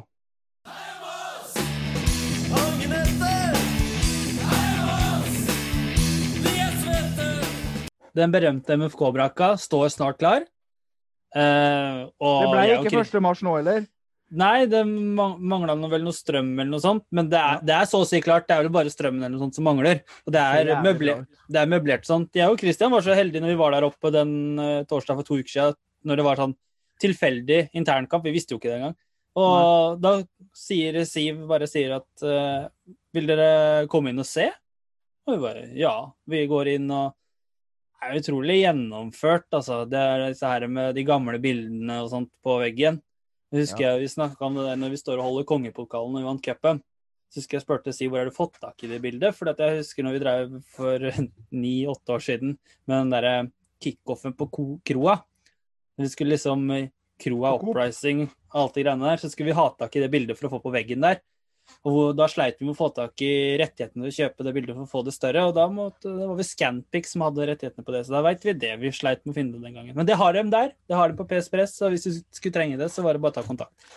Men det er veldig i forseggjort. Altså med hjørnet ut ene hjørnet der hvor de har gjort, om til, gjort klart til e-sport-muligheter og gaming. Eh, og så har du den utleiedelen, kjøkkenet med gul Mokkamaster. Altså det er, det er helt strålende. Eh, det kommer til å bli så bra, det kommer til å bli så fint. Og jeg gleder meg til at vi kan ha en podkast der. Og så er det helt fantastisk oppfølging av eh, Siv Holder. da. Hun er, jo, hun er jo i full jobb ved siden av, så det her er gjort på frivillig basis. Ja. Og gjort, gjort Det- det til et hjertebarn. Også Det da- er flott dame. Så vi får bare, altså At det har tatt litt tid, det, det får det bare være. For når du ser videoene og oppdateringer og ser liksom hvordan hvordan hun håndterer samarbeidspartneren. Og så vi Lacken var ute sist, og um, hvordan hun tar tak i gamle helter, liksom. Og det er, eh, Den dama er eh, unik, og hun, jeg tror det virker som hun trives i den rollen uten det ansvaret å være knytta til noe. Bare herje på det hun er best på, liksom. Så nå Så i løpet av mars så, så øh, kanskje det er oppe? Tror du ikke det? Eh, Det var ikke mye igjen, men, men jeg, må, jeg må si det blir bra. Det blir kjempefint. Og all eh, kudos til alle som har, har hjulpet til, enten det er å male huset, eller sprikke plater, eller samle inn penger, eller trykke opp ting. De kan hjelpe til på mange måter, Mm. tross alt. Og, men jeg syns æresvære den som bør. Men du ser jo sånn som Siv Wold som drar i gang dette. her, da, Hun fortjener så mye skryt at det blir tom for ord, nesten. Mm. Og så er det jo viktig, øh, som du sier, at det mange har bidratt på forskjellige måter. Ikke alle har slått inn den spikeren, ikke alle har tatt tak i den hammeren, liksom. Men eh, folk har gitt penger, folk har øh, vært med på å promotere, folk har eh, stilt opp på arrangementer, folk har øh, Ja, det er mange her som eh, fortjener en klapp på skuldra. Folk har kjøpt plass på veggen. Det er Mm. mange måter å bidra på. Og, og jeg håper noen som lytter på og Hvis de, de setter pris på det vi lager sånn som nå, prøv å gi en slant, da. Om det er en femtelapp eller et eller annet. 10 kroner, 20 kroner, 100 kroner, 1000 kroner. Ha, har du lett? Vi er snart i mål. Ja, til, altså, du ikke- slanter til vårs, liksom? Eller? Nei. nei ja, ja, ja, ja, ja, ja, til meg personlig. Og så kan du gi til MFK-veggen. Ja, altså, ikke minst MFK-veggen, da støtter du klubben. Ja, MFK-veggen eller klubbhuset. Du kan på en måte velge, da. Ja. MFK-veggen er jo klubben, og så er det um, Spleisen og disse her Ja, ja, så, ja jo sorry. ja. sorry. Det, ja, jeg har aldri helt skjønt, egentlig. Jeg, jeg har gitt til alt som jeg Ja. har dukka opp, og jeg har egentlig ikke helt skjønt hva jeg har gitt til. Nei. Men det går an også Men det går til noe godt nå, så det går Ja, ja. greit. Ja. Men hvis, de, hvis de har jævlig mye, så kan de vippse til 99, 24, 21, 56. Kan dere spole tilbake og høre telefonnummeret? For nå sitter vi her med headset til 79 kroner fra jula. Så, så, så kan, det, kan det bli sånn produktplassering. Denne sendingen er sponset av Trond Teiseth, for eksempel. Mm. Ja, det var, nei, det var, eh, det var, det var fjas med en eh, sånn eh, artig undertone, på en måte. Så, så når jeg våkner i morgen, så står det pling! Trond Peiset har sendt deg 10 000 kroner, eksempel. Så skal jeg kjøpe headset til i hvert fall 199. Det, vi nærmer oss slutten, men eh, som nevnt i starten av sendinga, så er det jo snart et årsmøte i Kråkvingen. Og der har det annet kommet inn et forslag om at eh, Kråkevingen skal oppfordre Moss fotballklubb til å boikotte Qatar og følge eh, Tromsøs initiativ, som starta dette her. Og så ser vi at flere og flere klubber har hengt seg på. Eh, og Christian, dette er jo en sak som du har litt sånn brenner litt for, da. Du Ja. og en flere av oss. Eh, Det er jo også jeg som har sendt inn forslaget til årsmøtet. Jeg kan jo si så mye. Å, er det det? Ja, faktisk. det, Første gang på ti år vi har fått inn et forslag. Det er veldig bra. Og Sist gang var det Lasse Dahl som ville at Kråkeving skulle kjøpe et hus. Så Fantastisk forslag. ja. Nå får vi både forslag og hus.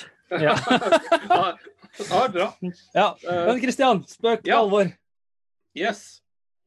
Uh, nei, uh, det, dette rundt uh, Qatar er jo et sånt sett litt sammensatt greie, da. Jeg så jo i kveld, så har jo eh, Vålerenga sitt årsmøte stemt for en boikott. Men sånn Mm. som Fred Fredrik sa, har stemt mot. Um, og jeg har jo også hørt at eh, det har vært litt pisk ute blant klubber i Østfold, og hva man har blitt bedt om og hvilke toner man skal legge seg på inn mot forbund osv. Men Mm. for meg er jo egentlig dette er en litt større sak enn en boikott eller nei. Dette er jo å ta et standpunkt at det er ikke greit det man driver med der nede. Nei. Det, og det rett og slett også Qatar gjør, er det som heter såkalt sportwashing. Sportwashing er rett og slett å kjøpe seg innflytelse gjennom idrett. Og dette er ikke noe nytt. Dette har i og for seg vært uh, tidligere, men nå er det veldig synlig igjennom store penger. Og det beste eksempelet er Manchester City, da. Som eide av liksom en sjeik med sugerør inn i statskassa, og har elleve andre klubber rundt i verden. Sponser. Og hvorfor, hvorfor sponser man? Jo, fordi man satser på bl.a. turisme. Man skal leve etter noe den dagen olja tar slutt der nede òg. Og da er det flyselskap som huber. Etihad, Qatar og alt det der. Det er jo for all del gode produkter, men det er en grunn til det. Det er rett og slett staten som finansierer dette her, og det er, det er ikke bra. Hvordan i all verden skal du konkurrere mot sånne, sånne firmaer, liksom? Men Qatar-VM er problematisk. Eh, Det skulle jo aldri vært dit i det hele tatt. Det kom i eh, av en prosess som har blitt av, avslørt som korrupsjon i ettertid. Men mesterskapet står jo der. Og da må man jo liksom se på boikotte. Ja, nei. Hvorfor skal man boikotte? Uh, og ta stilling til det, så er det greit å vite litt sånne enkle ting som at eh, i Qatar så har man noe som heter kafala-systemet. Og det betyr at det fremmedarbeidere som jobber i landet, de må ha en sponsor som rett og slett i gåsehudene eier deg litt. da. Det er en form for moderne slaveri. De ordner visum, ordner penger, arbeid og alt for deg. Og de tar passet ditt. Du kan f.eks. ikke bare forlate landet når du vil. Og det som gjør oss Qatar litt spesielt det, med dette, er at de har 2,8 millioner innbyggere. Og av disse er ca. 2 millioner fremmedarbeidere i Qatar.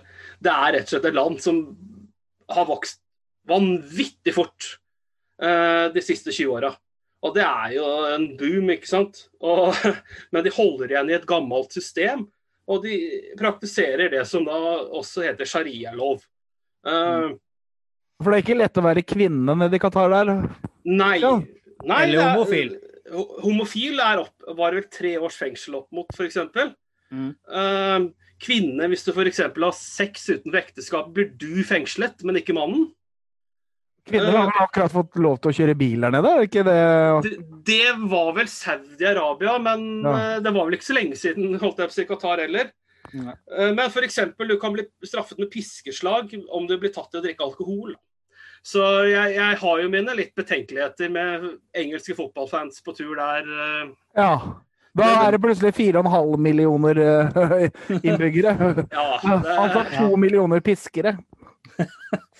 Ja, leie noen fiskere. Men, ja, ja, men altså tyskere, engelskmenn på tur. Men uh, Jern, du som jobber jo da i Fagforbundet i tillegg, da, som, eh, som jobber med rett, arbeidsrettigheter Mm. og dette her med sportswashing og moderne slaveri. sier litt uh, fagbevegelsen din, altså hjertet ditt? Altså, det sier at uh, For folk som sier at uh, Blant annet markering av kvinnedagen, den har gått ut på dato og sånn.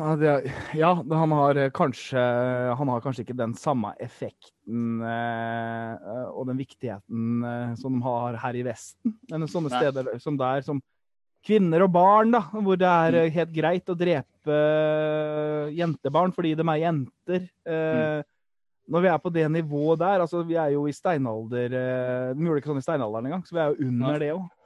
Og det, det tenker jeg jo, akkurat det du sier, det er jo kjempebra.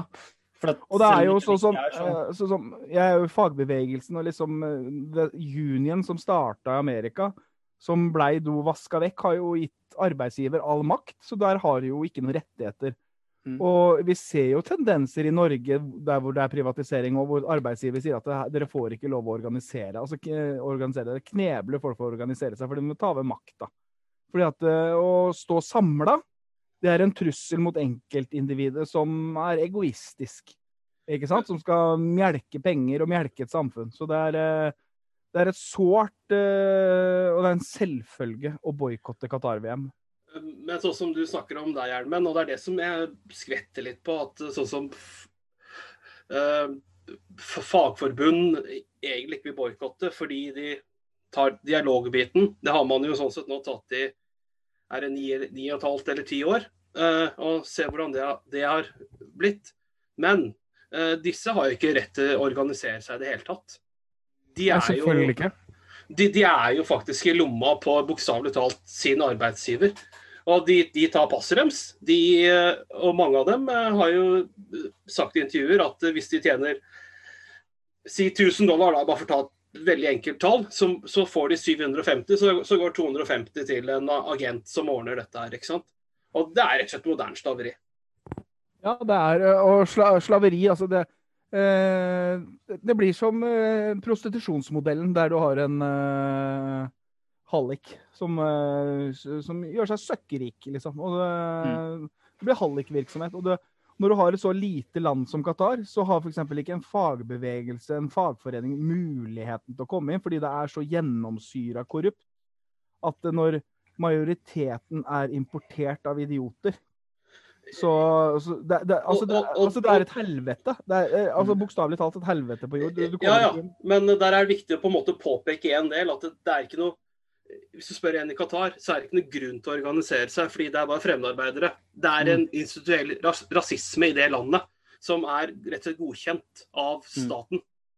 Og folk reiser på ferie. Altså, du, du ser jo hva Norge sender ned til, eh, for å reklamere for det. Mm. Influenserne, tenker du på? Mm, ja. Mm. Yes. Mm. Men jeg har, har jo et innspill til dette her, liksom, det som Kristian sier med sportsforskning, at man skal reinvaske navnet sitt, annet. Eh, vi ser jo at Qatar har hatt interesse av mange andre mesterskap også tidligere. Vi så jo Håndball. annet håndball-VM, ja. De, de, kjøpte seg et landslag. ikke sant? De kjøpte seg et landslag. I håndball så er det sånn at i kontra fotball I fotball så kan du spille Hvis du spiller tellende landskamper, dvs. Si Nations League, EM-kvalik, VM-kvalik eller eh, mesterskapskamper, da. Og det, eller, altså det gjelder på alle kontinenter, av alle sånne nasjonale ja, sånne, sånne turneringer som Uefa eller de der Concaf og Commonbol styrer, så er det tellende matcher. Før i tida så var det jo litt sånn at du kunne spille tre matcher og sånt, så var det jo et eller annet. Men så lenge du spiller tellende matcher, så kan du ikke bytte landslag. Men i håndball så får du to års karantene. Så det vil si at hvis du kjøper ut en 23-åring, så kan han spille om to år når han er 25. Og de prøvde jo bl.a. på Christian Kjelling og en annen danske og en haug med franskmenn. De fikk vel en franskmann over på sitt landslag som hadde vunnet VM med Frankrike tidligere, som fikk VM-sølv med Qatar. Men der har de jo litt den der at Qatar spilte seg hele veien til finalen og holdt på å vinne hele greia. Og jeg husker var det vel Bent Svele som ble sitert på at dette her må vi aldri skje igjen. Og det er jo litt av det som er greia her nå med motargumenter og sånt. Vi ser håndball-VM, så har vi sett sykkel-VM, hvor du har en sak hvor det er en eh, kvinnelig syklist som er ute og sykler i en oppvarming i VM-løypa. Plutselig så blir hun påkjørt av en sånn privatsjåfør av en sjeik, som da kjører inni denne her løypa, da. Som kjører på den syklisten. Da er det syklisten som får skylda. Der nede også i tillegg.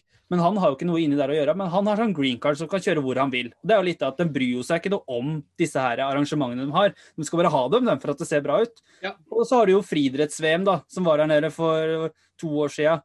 Hvor de måtte løpe om natta i flomlys og sånt fordi det er for varmt. Ja, Altså, de skal bare ha, ha, ha. Du så disse Ingebrigtsen-gutta liksom løpe midt på natta. Christian? Og, og, og det, det er jo noe av også eh, bakteppet her som vi, vi faktisk må ha litt i bakhodet. At Qatar søker fotball-VM i seg selv, er jo egentlig naturstridig. For sommersesongen i Qatar er fra mai til september. Da ligger snittemperaturen på litt over 40 grader. Pluss luftfuktighet. Dette er ikke gode forhold, og i hvert fall ikke å jobbe i. altså. Det er, det er så korrupt. Det er så korrupt av Fifa òg, vet du, så det er jo til å Ja. få helt mark i eggstokkene. Det var Eh. vel eh, 9 av 13 eh, eller noe sånt, noen som ble dømt for korrupsjon rett etter at de, ble, at de, at de fikk eh, sluttspillet.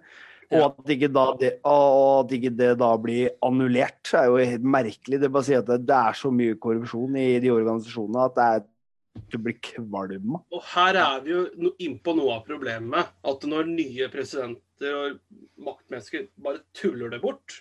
Mm.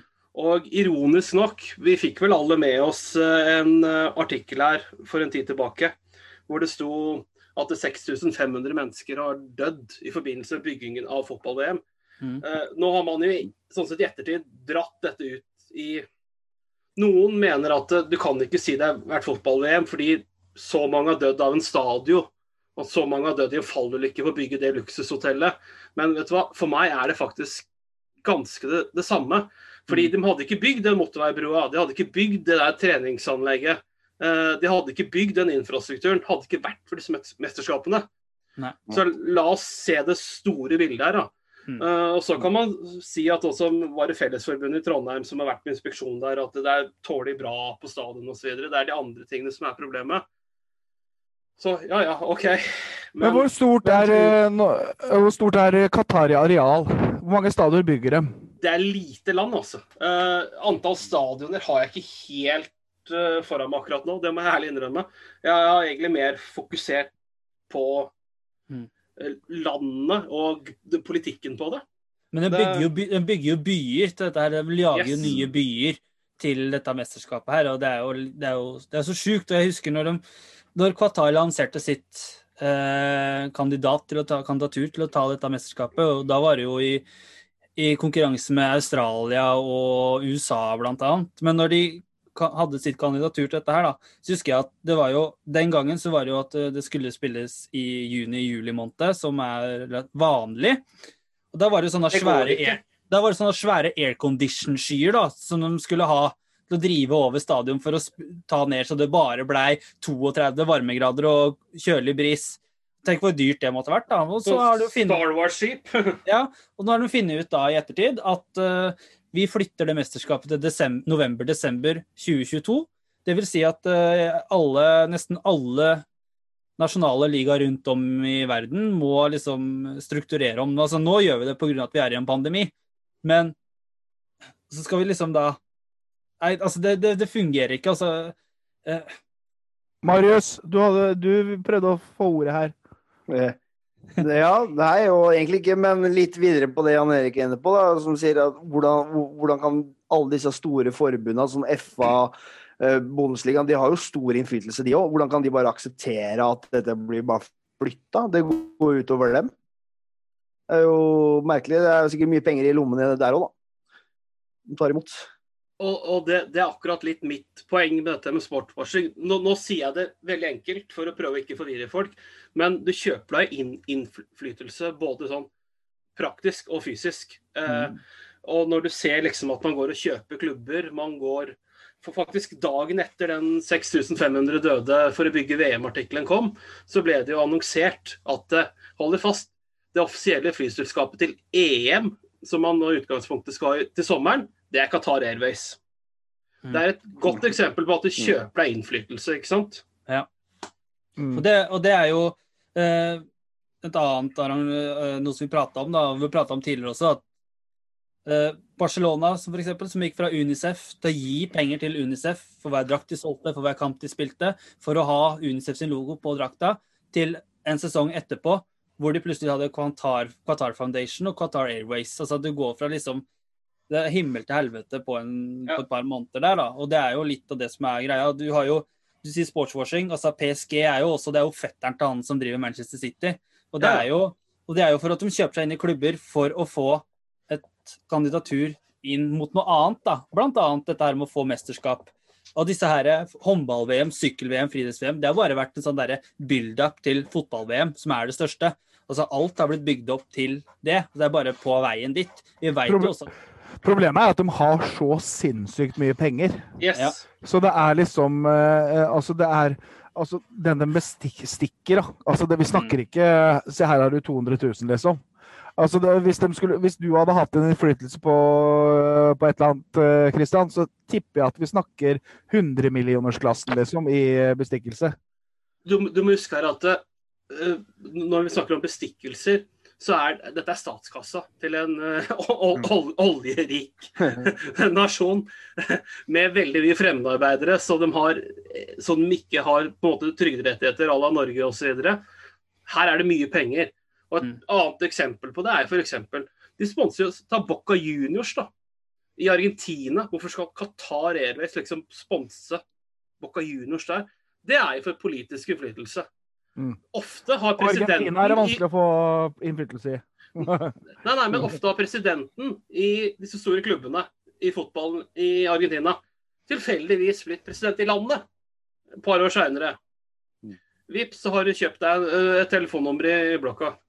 Og Samme er det jo med Ser du Copa del Rey i Spania òg? Ja, Hvor, hvor semifinalene og finalene er flytta ned dit. Ja. ja. Vips, så har du kjøpt det spanske forbundet der òg, ikke sant? ikke sant? Mm. Det var jo vel å merke. Saudi-Arabia, men ja, ikke sant? Ja. Ja. Det, Ja, samme ulla. ja. Så det gikk jo et klipp av eh, klubb-VM nå hvor eh, de nekta å ta sånn derre Hilse på den kvinnelige assistentdommeren, eller hva det var for noe. Det er bare liksom Yes. Ja, så det er, det er jo mye Ja, så- det er jo for- og motargumenter. Eh, Jeg heller jo mot at eh, dette her er, skal ikke finne sted. Jeg kommer nok ikke til å se på mesterskapet heller. For at det strider mot alt. Vi flytter det fra da det skal være. Vi flytta ikke mesterskapet i Sør-Afrika, som ble spilt på vinteren der, til sommeren i Sør-Afrika. Ja, det var varmt på dagtid med 15-16 grader. Men når du så disse her kveldskampene komme og sånt i Durban, så var det jo liksom kaldt og nærma seg null grader. Kommentatorene satt med lue og jakke, selv om det var idioter som sto på tribunen i T-skjorte og sånt, så husker jeg at eh, Øyvind Alsaker bare sa at det ser kanskje varmt ut for de som er på tribunen, men det er ikke det. Det, er tre grader her jeg sitter nå, og det er kaldt, liksom. Så vi har, vi har ikke flytta mesterskap. Det har vært spilt da fordi at det passa best med de nasjonale ligaene rundt om. Så nei, men uh, uh, han kameraten din, Christian, han Ja. eh, Galåsen, Gååsen, Morten Ja. ja, han har jo en uh, egen nettside, podkast, Pyro og Pivo, er det ikke det? Ja. Ja. Han, har jo, han har jo skrevet et blogginnlegg om eh, dette her er boikott det riktige for å se det fra den andre siden. Jeg tenker at ja, Vi skal dele den på Kråkevingens eh, Ja, Facebook, eh, Facebook utover eh, mot helga. Og så skal vi også dele et innlegg fra Posse i Stabæk Support, som har delt på NSA sine sider. Det er jo to flotte innlegg. altså Det er for og mot. Det er eh, seks røde flagg fra Posse, og så er det Gallåsen som prøver å se det fra den andre siden, da, selv om han ikke er noe for mesterskapet sjøl. Men han prøver liksom å se mesterskapet, da. Hvorfor? Og jeg er sånn sett den første, og det sier jeg som forslagsstiller, som også kan, sier at jeg skjønner at dette er til en viss grad symbolsk, men for meg handler det også litt om å ta et lite standpunkt. Også for jeg, Dette ødelegger fotballen, altså, folkens. Mm. Og så må jeg innrømme at jeg blir fryktelig irritert på forbundene som har drevet såkalt dialog i ti år. Og egentlig oppnådd fryktelig lite. Og nå ser man jo Se, se f.eks. rettighetshaver TV 2 siden dette opprøret begynte litt. Det er daglige artikler om folk som er imot boikott. Mm. Du, du, du lukter lunte at folk er på en måte litt redde for investeringen vår ad, ad dundas. Ja. Du så jo Pål Bjerktvedt på TV Mm. som snakka om at først så var det 100 millioner som eh, skulle tilfalle bredden på dette, her, og nå var det 200 millioner på det. Og jeg har hørt fra folk ute i små brødreklubber At uh, pisken er blitt svinget, at dette blir mindre penger hvis dette går, igjen, går gjennom. De er det påvirker eh, klubbenes valg. Ja, så er det viktig å, viktig å påpeke der, da. De 100-200 millionene er hvis vi kvalifiserer oss til VM. Mm. Og det er jo ikke penger som er budsjettert med. Og vi har ikke kvalifisert oss til et mesterskap på 21 år. Det er også viktig. Så det, dette er penger som vi aldri har hatt. Vil det, da? Ikke Det er blant noe av det han Posse nevner i sitt innlegg. Så dette er jo penger de faktisk budsjetterer med. Men ikke. Qatar altså, de har jo funnet roten til alt ondt, og det er jo penger. Mm. Ikke sant? Og hvis du truer Hvis det blir trusler om at eh, Ja, da tar vi fra Rygge tilskuddet på 300 000, så hvelver det Rygge, på en måte. Ikke sant? Altså, eller Mm. kan, da. ikke sant? Eller gjør det ekstra vanskelig for små klubbene, liksom. Eh, det, og da er det sånn at eh, da må jeg sette mine egne prinsipper til oppveiing mot, mot klubbens forventninger, ikke sant. Og da Sånn kjøper du deg Sånn driver du og washer. Så enkelt er det. Og det er eh, folk da senker sine, sine standpunkt for å redde klubben. Ja. Jeg har jo faktisk, når vi snakker om det, så har jo jeg faktisk eh, Sendte jeg en melding til styreleder i Moss fotballklubb, eh, Geir Hagnes, og sendte da en link til eh, Strømsgodset, som da hadde tatt initiativ til å støtte opp under Tromsøs boikott. Da sa han dette skal vurderes og tas opp til diskusjon i klubben. Og så fikk jeg en tekstmelding i går, nei, i dag. Hei, Jan Erik. På styremøtet i går ble det besluttet at Moss fotballklubb ikke tar noe aktiv standpunkt til boikott av VM i Qatar på nåværende tidspunkt. Vi avventer utredningen fra NFF og informasjon som blir gitt i den pågående debatten, og støtter initiativet til et ekstraordinært forbudsting høsten 2021. Hva tenker vi om den, Christian? Det er akkurat ordlyden som er blitt brukt av Fredrikstad 08 i dag. Eh, Men det jeg tenker om det. Selv om jeg foreslår det og ønsker at både Kråkevingen og Moss fotballklubb skal ta et aktivt standpunkt eh, for en boikott, er at eh, jeg vet at eh, vi som er for en boikott, kommer til å tape allikevel. Og grunnen til det er som følger. Fotballtinget er til lørdag.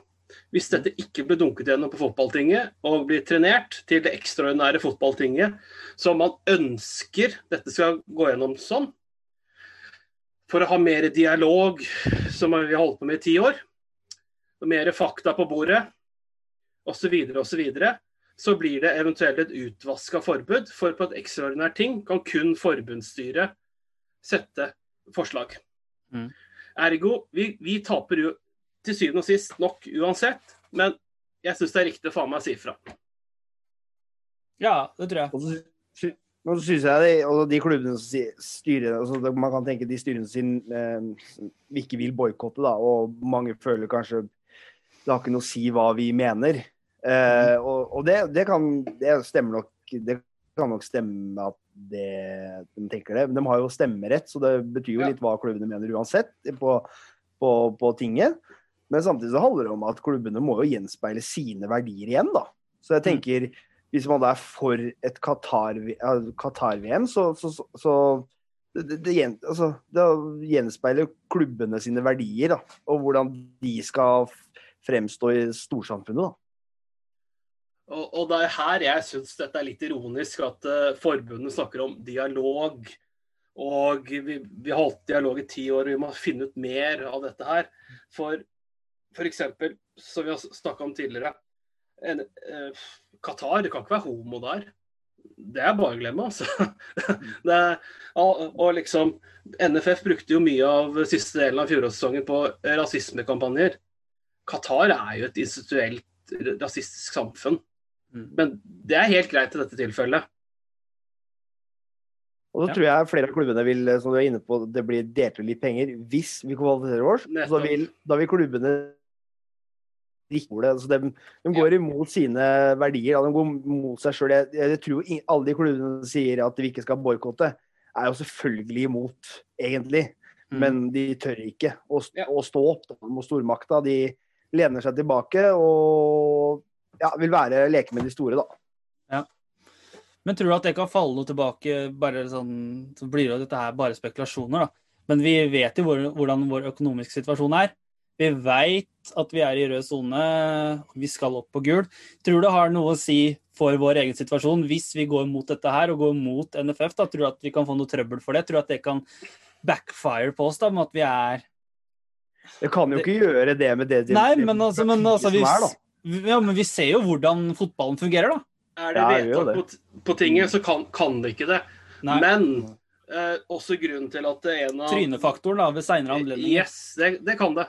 Men også grunnen til også eh, jeg også ble kontaktet av en av disse rundt dette såkalte supporteroppgjøret, eller grasrotoppgjøret, er jo sånn som ansatte Moss er jo et perfekt eksempel på en klubb som faktisk er aktuelt for et sånt firma å kunne løfte opp i, i, i en liten dose. Mm. Bang! Gammel storhet, spytte inn litt penger, du får kjempe-PR. Bam, bam, bam. Så la, la oss være ærlige, sportwashing er ikke uproblematisk. Selv om Fotballforbundet sier ja Mm. til alt.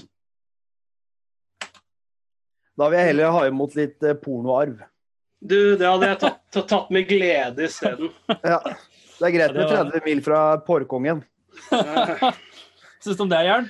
Gratulerer, Skeid, forresten. Ja, ja, gratulerer. Helt nydelig. Det er jo en Helt nydelig sak. Bare vent til jeg dauer. Så der, der har du stikk, stikk motsatt. Der, er jo- nei, det er en helt kongesak. Det er så kult. Ja. Men sånn kort oppsummert, da. Det mange her, eh, oss fire som sitter her, er i hvert fall ikke så veldig begeistra for Qatar 2022. Eh, og det vil jo komme et forslag på vårt årsmøte om at, hvilket standpunkt Kråkvingen skal ta, og oppfordre Moss fotballklubb. Så får vi se hva som blir benka gjennom. Jeg har sendt inn et forslag til klubbens årsmøte, blant annet. Eh, mye lignende. Og Kristian, har du noe å tilføre før vi Ja, bytter? eh, jeg vet jeg har sagt mye nå, eh, men faktisk jeg vil, bare, jeg, jeg vil si at det faktisk av disse gulflandene så fungerer boikott. Fordi det eneste språket de forstår, det er penger. Mm. Og hvis vi ikke drar dit, og hvis vi ikke flyr med flyselskapene deres, så kjenner de det. Og så er det jo litt sånn uh, må se på de store bildene, da. Hvis vi skulle kvalifisere vårs, som Ja, det er jo om å gjøre, Mm. så er, er det verdt å, å sende landet vårt ned dit for å spille tre kamper. Uh, er vi griseheldige, kanskje vi får en åttendelsfinale, men vi skal ned, spille tre kamper. R- Rett før jul. Eh, Rett Ja. før jul. Altså, liksom, er, er det verdt det? Er det verdt å spille på en gravplass? Tre matcher, liksom? Bare Ja, så skal vi spille samtidig som det er håndball-EM eller VM for kvinner. ikke sant? Det blir jo helt kaos for folk. liksom Får ikke sett på håndball samtidig. og altså Folk kommer til å klikke i huet. Men at hvis Norge ikke er med, da tenker jeg bare at det, Hvis vi går inn for en boikott, så tenker jeg Klart at vi eh, ikke er med. ja, hvis, hvis det blir stemt fram en boikott, så sier det litt. Alle sier ja, Norge har kvalifiseres ikke, og vi har ikke vært med på så og så mange år. Vi har verdens mest attraktive spiss at the moment. Hvis han ikke får spille VM, da, det vil ha litt å si. altså Det er kanskje han som har høyest Snakker du om markedsverdi. eh, Se- Sebastian Pedersen? Ja, snakker om han. Spesielt han. Også han der litt mindre gode som har spilt med i Florø. Eh, nei, det var fetteren hans som spilte der. Han derre Braut, Brautisen som bare putta noen mål i går. Han- Karev, ja. Ja, ja. Nei da, men altså, Men jeg det, tror- det, men det vil jo men jeg sende noen signaler de- uansett. Ja, Mm, og jeg tror jo de, de gutta som altså Man snakker, snakker mye om at de gutta må jo på den store scenen for å bli solgt videre og bla, bla. Men altså, det, det, det går fint uten et VM, det òg. Ja, Det er ikke noe problem. Og Norge har et, har et veldig spennende lag på vei opp, som er unge og gode. Så det er ikke noe problem å stå over i 2022 og heller ta neste mesterskap. Og da er vi enda mer voksne. Kanskje noen enda flere talenter har kommet opp. Så Mm. vi bør ikke være med i Qatar-VM. Og jeg, jeg legger merke til uh, at TV 2 som rettighetshaver har veldig mye artikler uh, med mennesker som er mot en boikott om dagen. Eh, deriblant så feilsiterte de svenske fotballeksperten Olof Lund, som for øvrig er Mosse-supporter, av alle ting. Eh, ganske grovt i dag med at eller var det i går, med at svenske fans ikke bryr seg om dette her. Men faktisk, det har begynt å dryppe litt i Sverige òg. Og det har begynt å dryppe i Nederland, det har begynt å dryppe i Belgia, det har begynt å dryppe i Tyskland. Det har blitt lagt merke til i Sør-Amerika, både i Brasil og Argentina f.eks. Eh, så faktisk, det, det legges merke til at man Ja. si, sier ifra på dette her, altså. Det ser man jo Eh. bare på Det ser man bare på Fifa når de hadde møte med NFF her for litt, et par dager siden, hvor de sendte A-laget sitt av rådgivere og sånt for å prate Ja. med NFF, for at de vet at dette her er ikke pent, det som skjer. Og de vet jo at uh, Så det kan bli dominoeffekt. Yes. Mm. Og som jeg har sagt til noen andre, at det hadde Norges Fotballforbund lagt så mye krefter som de har gjort på denne saken de siste to-tre ukene, da hadde Mm. breddefotballen vært i gang veldig kjapt i 2020. Og så er det jo da- som han Tom Høgli sier òg, da. At uh, når det ble kommentarer på at øh, ingen hører på lille Norge uansett. Og så er det som Tom Høgli må begynne. og- Ja, og som Tom Høgli sier, han har blitt kontakta av journalister verden rundt. Og det, som du var inne på, alle har hørt om at, Norge, at det er et opprør i Norge, da. Og det er en grunn til at Tromsø annonserte nyheten på engelsk samtidig. Ja, ja, ikke sant? Mm. Tenk deg for en PR-verdi der. Hvor Mm. mange klubber snakker vi om i Norge som har årsmøtevedtak på dette her? Vet du hva? Sleng. Ja, Brann gjorde det i går. Kjempe-PR-verdi. Mm. Kjempe-PR-verdi. Så Rosenborg snudde, og det tror jeg var ganske viktig at Rosenborg i Norge snudde. Kjempe, kjempesymbolsk. Legg merke til at de store klubbene nå har medlemmene trumfa gjennom. Mm. Dessverre er ikke jeg medlem, jeg får ikke stemt på det, det årsmøtet med oss, Men i så fall hadde jeg sagt faen meg meninga mi. Eh, Jeg syns ikke dette er greit, ass. Så kan du si at det, dette er symbolsk, eller ja, men det finnes alltid noe verre, eller ditten eller datten, og nå er det OL i Beijing. Ja, men det er en debatt som begynner vi med dette, så kan det på sikt bli noe videre. Må har- Man, man, man må begynne. Ja, men det har skjedd også Russland-VM var, var ikke perfekt heller. Og vi har alle disse mesterskapene i Qatar fra før, med håndball-VM og sykkel-EM og friidretts-VM som vi har prata om. Det har skjedd. Nå må vi faktisk ta et standpunkt, da. Og jeg tenker også at fotballspillere som gjør en effekt Du ser at de har en de får en effekt av det der Black Lives Matter. Du ser Marcus Rashford i England, blant annet, med dette her med gratis skolemat. Altså, Hvis også fotballspillerne også Den første store fotballspilleren La oss si at det er en fotballspiller som går ut og sier dette her at jeg nekter å spille dette mesterskapet her, så vil det gi en dominoeffekt, og da vil det et eller annet skje. Vi vet at det står nasjoner klare til å kunne ta over dette mesterskapet her sånn på kort sikt, som har alt som trengs. Altså, Frankrike hadde mesterskap nylig i 2016, Tyskland hadde i 2006, Portugal hadde EM i 2004. Altså, det er land som har ting på stell, da. Som kunne sikkert tatt imot dette mesterskapet. England Det har ting mulig, da. Det er mulig. Ja, at man får til et spleiselag da, i Europa, eksempel. Altså, Stykkes ja. opp. Det er mulig hvis man vil. Ja. Men uh, jeg tror ikke det kommer til å skje, og det er på, jeg tror ikke jeg heller. eh, rett og slett pga. den signaleffekten og at man har, man hadde havnet i en helvetes juridisk linsj. Mm. Men ikke undervurder signaleffekten. Og det får vel nesten bli siste ord i Qatar-debatten, hvis, hvis denne podkasten skal bli under sju timer lang. Så Jan Erik, da får vi bare ta avslutninga, da. Livet det er jævlig, men vi liker oss i Mås. Da er vi ved veis ende. Det blei en eh, ble en ålreit uh, og god episode, dette her. Eh, Sunne og fine Folk. ja, og, te og temaer. Altså, det er viktig at vi alle er sunne og fine, men altså, sunne og friske. Men det har veldig vært interessant. Det har vært en del gode A-laget er ikke helt su- sunne og friske om dagen, har jeg hørt. Nei, det, der er det jo tredje gang eh, i, i denne pandemien at de har opplevd smitte, dessverre. Eh, det er jo trist. God bedring til den som det gjelder, eller de det gjelder, for den saks skyld. Alle med det, egentlig. Ja, så Og vi veit jo ikke om de har symptomer eller ei, det får så vidt være, men eh, det er kjedelig at det skjer, og Men det er jo en del av hverdagen, og nå er det jo faktisk sånn at når denne episoden er sluppet, så er det 11. mars, og da er det bare én dag til. På fredagen så er det faktisk ett år siden Norge stengte ned for første gang. Hvordan har dette året her vært? Marius, du hadde en god oppsummering. Ja. Et helvete. Og det er eh, Men eh, vi ser, eh, vi ser jo dessverre at folk begynner å bli lei og Ja. gir beng. Så det er jo Og det resulterer jo i at det bare vil vedvare, det. Og så ser du jo nå bare sånn, du ser jo liksom plutselig så blir det sånn splittelse i samfunnet at eh, ordføreren i Norges mest fattige by, Molde, går ut og liksom kritiserer Oslo. og så bare sånn, Oslo og Østlandet slår tilbake med at ja, det er enkelt. da, altså Det bor flere folk på Stovner enn det gjør i Molde, og Molde har liksom fem ganger svært areal. og Og så er det jo sånn at i, vi- ta eksempel Oslo, da. Hvis 3% gir faen, så 97% følger retningslinjer, så ødelegger det for alle. Og vi er jo vært ganske hardt ramma, vi på Østlandet her. Blant annet Moss, Fredrikstad, Sarpsborg, Nordre Follo en periode. Og Ja, ja. Oslo har jo kjent på dette her. Så Det er jo- Nordre Follo som har fucka opp nå, da. Du sliter, du sliter litt i en pandemi vet du, når du har folk som Kari og klanen hennes. Da har du problemer, vet du. Ja, men det er bare, det er bare også det er bare eh, når det kommer eh, saker på om det er NRK Østfold eller Moss altså Du kan ta det så lokalt som Moss Avis, da, og så Mm. lese kommentarfeltet der, så skjønner du hvorfor det er smitte i samfunnet enda, liksom.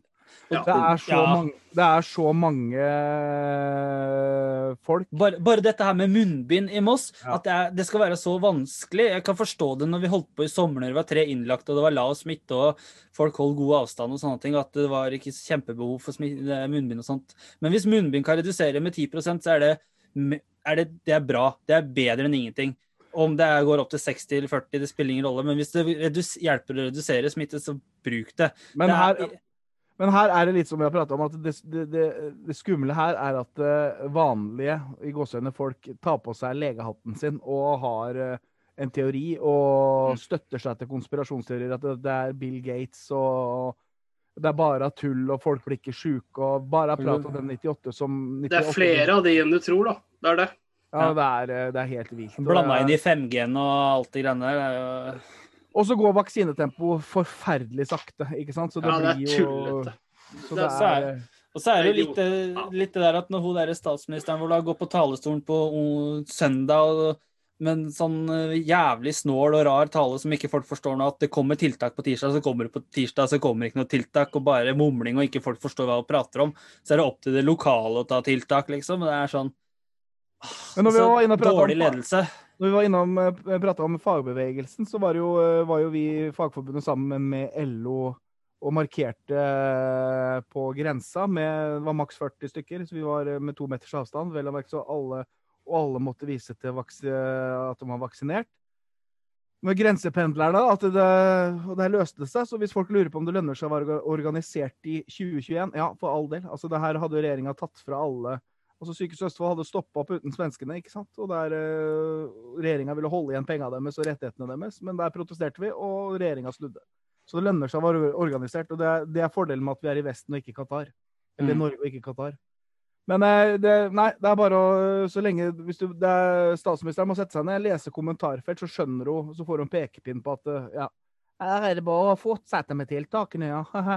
Her er det mange, her er det mange som har peiling. Det er det som Mm. er, og, og det er for mange som eh, leker et eller annet, og da blir det Jeg blir bare helt svett. Ja. Ja. Det er Nei, vet du hva. Jeg kan liksom kjenne på kroppen da at vi Forrige jobben min stengte jo ned torsdag. Mm. 12. mars klokka seks, og åpna ikke igjen. Uh, klarte ikke koronaen. Uh, og jeg har vært så heldig å fått ny jobb igjen, sånn sett. Det er jo mange andre, jeg har andre venner som ikke har fått jobb igjen. Vi har venner som fortsatt er permitterte litt av og på, som er Mm. fra den bransjen jeg jobba i. og det er, altså, det er det, er jo usikre tider, da. For min egen del så sparepengene mine røker jo i røker jo i koronatida. Jeg får jo Mm. ikke dem igjen. Jeg, Og du er så heldig som hadde sparepenger. Men det er ja. Hadde jeg ikke hatt sparepenger, og at enkelte i familien min kunne hjelpe meg med noe, så Og Nav ville jo, kunne jo ikke hjelpe, for at jeg ikke jeg var for rik, tydeligvis. Jeg hadde for god råd. ja. Men uh, hadde ikke jeg fått uh, den hjelpa jeg skulle få av enkelte i familien som hadde stilt opp, liksom, så hadde jeg hatt nok gjeld nå, ja.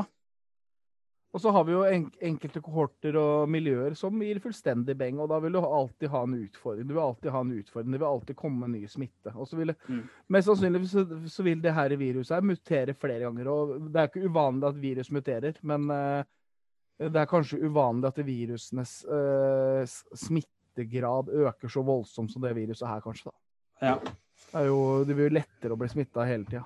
Altså. Men Men, uh, ja. Oi! To menner. Oi, oi, oi. Ja. Uh, men, men gjerne på at du snakker om smitte. da, sånn som Min søster bor i England, og hun får sprøyta i neste uke. Den første. Og der har man jo faktisk virkelig fått effekt av det, for et land som har vært fryktelig rammet. Mm. Og så kan du diskutere hvorfor de er rammet.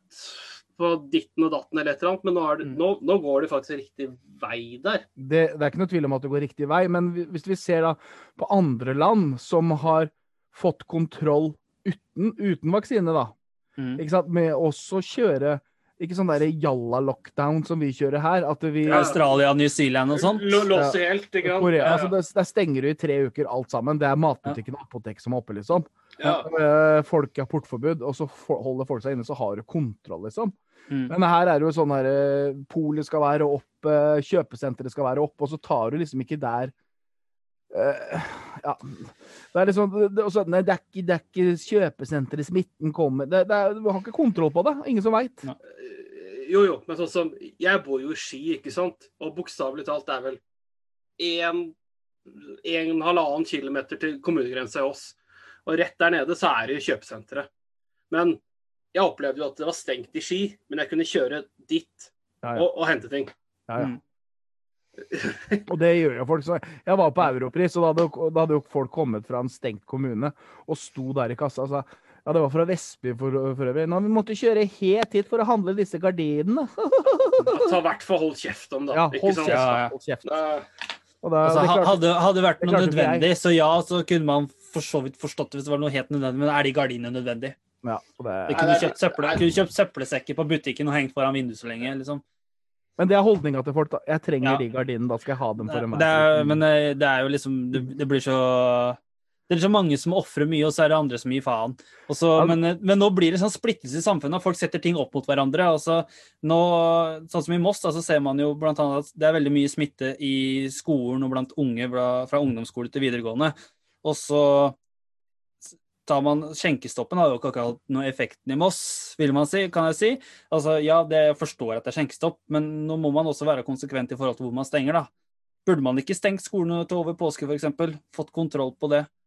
Jo, i hvert fall når du viser at det muterte viruset smitter så lett blant unge, så burde vi jo det. Ja. Skal det være null restriksjoner i skolen da, og liksom flyte rundt, og så ser du at det er smitte og karantene på den klassen og den klassen og det trinnet der og der og der, plutselig er det liksom Ja, og vi fortsetter med tiltak andre steder, liksom. Det viser seg at ja, det er ikke smitte på polet, sies det da. Også, men så ser du skolene Jeg sier ikke det at, liksom, at, at polet er viktigere i skolen, men Men vaksina har skapt splittelser òg, vet du. ja, ja. Bare, bare se på min egen arbeidsplass, så er det jo liksom Så har jo liksom eh, folk har fått eh, Altså de som, er, de som fortjener det først, altså ambulanse og de som tar imot pasientene og behandler covid-pasientene, får jo liksom Men så er jo resterende pleiepersonell som ikke som er i, i kontakt, f.eks. renhold, da, som vasker Mm. disse smitterommene.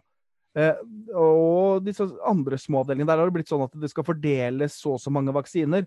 Sånn at da, disse seksjonslederne, vi har ganske mange seksjonsledere som sykehuset er bygd opp på, det er strukturen der, de må plukke ut 15 stykker av staben sin, liksom. Og det skaper ikke et godt arbeidsmiljø, vet du, når du må plukke ut 15 Nei, nei, nei. som er, som er verdt i gåseøynene uh, Driver og plukker ut for sånn utplukking og liksom sånne ting. Mm. Da er, det- det eh, bedre å vente til det er nok vaksiner til hele gjengen, liksom, på en måte.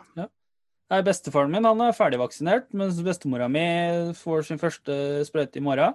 Og jeg spurte bestefaren min jeg føler litt sånn på tull, liksom, har du fått noen bivirkninger. da?